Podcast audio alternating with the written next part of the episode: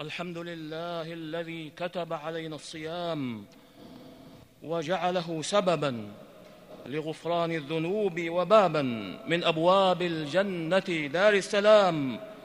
أحمده سبحانه وأشهد أن لا إله إلا الله وحده لا شريك له الملك القدوس السلام. وأشهد أن سيدنا ونبينا محمدا عبد الله ورسوله. صاحب الحوض المورود والدرجات العلى والمقامات العظام. اللهم صل وسلم على عبدك ورسولك محمد وعلى آله وصحبه صلاة وسلاما دائمين ما تعاقبت الليالي والأيام. أما بعد فاتقوا الله عباد الله. فقد أظلكم شهر عظيم مبارك تفتح فيه أبواب الجنة. وتغلق فيه أبواب النار وينظر الله إلى تنافسكم فيه فأروا الله من أنفسكم خيرا فالسعيد من مسته رحمة الله تعالى فحظي بالغفران والرضوان والشقي من حرم رحمة الله عز وجل في شهر الرحمة والمغفرة والعتق من النيران. عباد الله إن المرء من أجل بشريته وما ركب فيه وما ركب فيه من دوافع وما جبل عليه من غرائز قد تنحرف به نفسه عن الجادة وتحيد به عن سواء السبيل وقد تكون مثبطة له تقعد به عن اللحاق بركب عباد الله المخلصين وإدراك قوافل الصالحين والأخذ بنصيب وافر من التكمل الذاتي والسمو الروحي. لذا كان في حاجة إلى وسيلة صالحة تأخذ بيده وترقى به إلى ما يريده الله من صلاح قلبه واستقامة نهجه وصحة مسلكه. فكانت الوسيلة الناجعة لبلوغ ذلك هي الصوم إذ هو العامل الأظهر والباعث الأقوى في إحداث تحول النفوس من المساوئ إلى المحاسن ومن المحاسن إلى أعلاها في الحسن وأبلغها في إصابة الهدف. وهو تحول عام يشمل الناس في دنياهم فيحمل الأكثر على الاتجاه نحو حياة أفضل يتجلى فيها الخير وسداد المسلك. والاستمساك بخلال التقوى واطراح الغفلة ومجانبة الصبوة والتجافي عن العثرة ما استطاع إلى ذلك سبيلا. فإذا ما درج المرء على هذا التحول الكريم شهرا كاملا نشأت عنده العادة الحميدة في حب الخير وأخذ النفس وأخذ النفس بسلوك سبيله والترقي في مدارجه.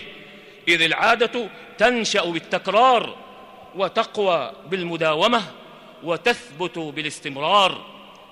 ولا ريب أن شهرا كاملا يسلك فيه العبد اقوم مسالك الفضيلة وأرفع مناهج الطهر. سوف يكون له أقوى تأثير وأبقاه فيمضي على دربه. فيمضي على دربه بعد انقضاء شهر الصيام وقد أصبح هذا المنهج الرشيد عادة لازمة له. وتلك هي التقوى المنشودة التي يجب أن تكون مصاحبة للعبد. يعده الصوم لها إعدادا خاصا في شهر رمضان فيبقى مقيما على عهدها وفيا لها حفيا بها لا يضل عنها ولا يستبدل غيرها بها. فتهيئة النفوس للتقوى مقصد ظاهر من مقاصد الصوم بل هو العمدة والمدار الذي يدور عليه الصوم ويتعلق به. إذ أن ظاهر التكليف في الصوم كما قال بعض أهل العلم متعلق بالإمساك والنية ولكن المقصود غض الهوى حتى تقوى النفوس على بلوغ التقوى. ولو كلف الخلق هذا المقصود تصريحا لما استقل به الأكثرون وهذا من لطائف الشريعة. انتهى كلامه. وصوم لا تلامسه التقوى ولا تخالط فيه قلب الصائم صوم خواء إنما هو لإسقاط الفريضة بحيث لا يؤمر بإعادتها. لكنه خرج عن عن نقاط خرج عن نطاق التقوى وضل عن سبيلها. ولم يدرك حقيقة الصوم وإنما أتى بمظهره وجانبه السلبي. ولذا قال عز اسمه يا أيها الذين آمنوا كتب عليكم الصيام كما كتب على الذين من قبلكم لعلكم تتقون. فبدأ سبحانه الآية بنداء المؤمنين وختمها بقوله لعلكم تتقون. وبين الإيمان والتقوى أوثق الصلات وأقوى الوشائج إذ الإيمان أساس الخير ومنبع الفضائل ومجمع المحامد. والتقوى روح الإيمان وعماده وسر الفلاح. وفي الجمع بين الإيمان والتقوى في مبدأ الآية وختامها ما يشعر بأن المقصود بالصوم ما جمع بين منازع الإيمان من الفضائل والتكملات الذاتية والروحية وبين دوافع التقوى من كمال المراقبة لله تعالى وتمام الخوف منه والتعلق به وحده والزهد فيما سواه. وبذلك يجمع الصائم بين مظهر الصوم السلبي من الكف عن شهوتي البطن والفرج وبين حقيقته الإيجابية من السير على الفضائل وانتهاج أقوم المناهج وأهدى السبل فلا يصخب ولا يكذب ولا يماري ولا يساب أحدا ولا يشاتمه. وذلك ما وجه إليه رسول الهدى صلوات الله وسلامه عليه بقوله الصيام جنة وإذا كان يوم صوم أحدكم فلا يرفث ولا يصخب فإن سابه أحد أو قاتله فليقل إني امرؤ صائم. الحديث أخرجه الشيخان الشيخان أخرجه الشيخان في صحيحيهما من حديث أبي هريرة رضي الله عنه وبقوله صلى الله عليه وسلم من لم يدع قول الزور والعمل به فليس لله حاجة في أن يدع طعامه وشرابه. أخرجه الإمام البخاري في صحيحه. وبقوله صلى الله عليه وسلم رب صائم حظه من صيامه الجوع والعطش ورب قائم حظه من قيامه السهر. أخرجه الإمام أحمد في مسنده وابن ماجه في سننه بإسناد صحيح. وسر هذا كما قال الإمام ابن رجب رحمه الله أن التقرب إلى الله تعالى بترك المباحات لا يكمل ولا يتم إلا بعد التقرب إليه بترك المحرمات.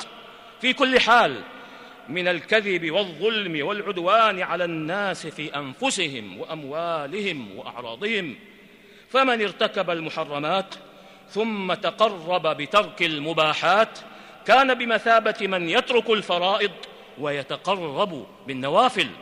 وإن كان صومه مجزئا عند الجمهور بحيث لا يؤمر بإعادته. انتهى.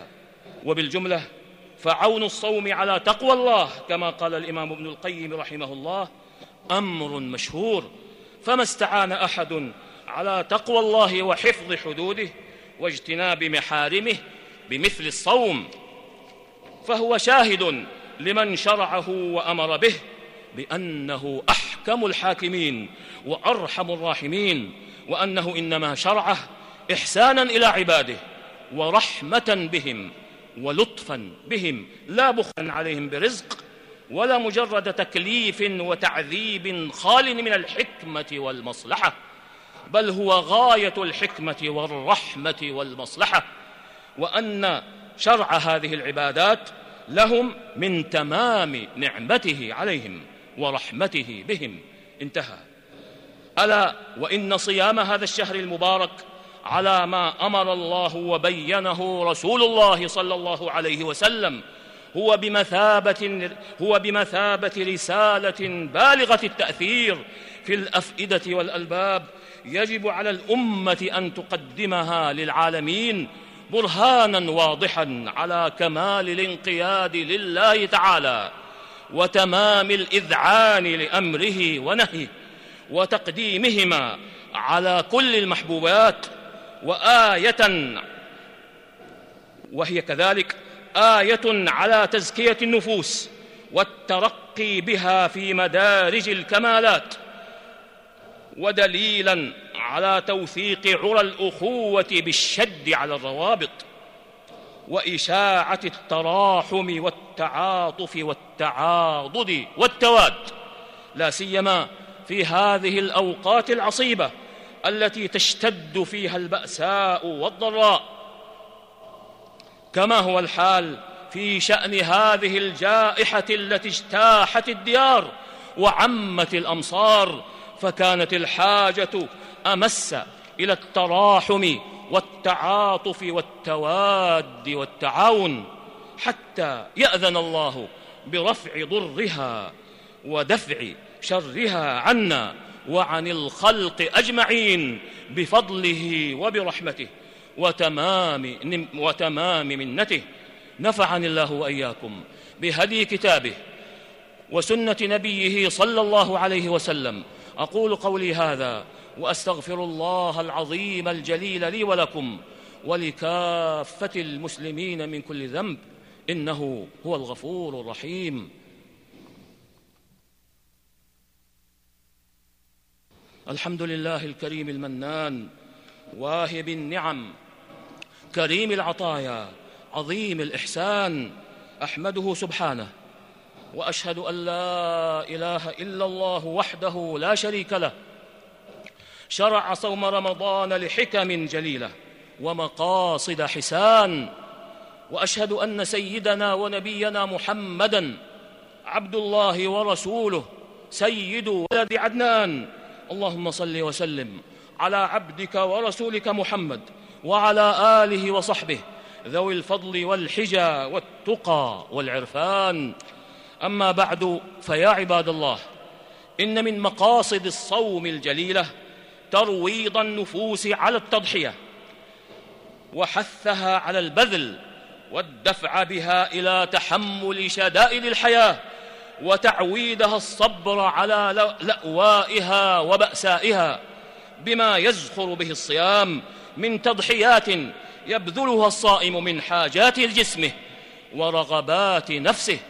فالصيام فطم فالصيام فطم للنفوس عما أبيح لها من لذات وإلزامها بتحمل ألم الجوع وحر الظمأ وضبط لشعورها أن تتبرأ أو تتأفف أو أن يبدر منها ما يحبط صيامها أو ينقص من اجرها وفي هذا الفطام للنفوس يا عباد الله تضحيات يبذلها الصائم ابتغاء مرضات الله وتصديقا لموعوده بالجزاء الضافي والأجر الكريم.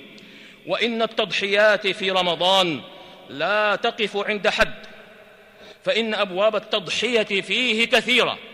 إذ هو مضمار يتسابق فيه المتسابقون يرجون فيه جميل الموعود وحسن الثواب.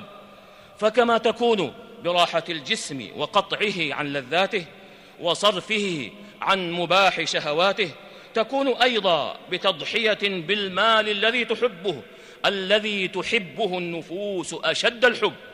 وما يزال الحب وما يزال ذلك الحب مستوليا عليها متغلغلا فيها حتى نهاية العمر.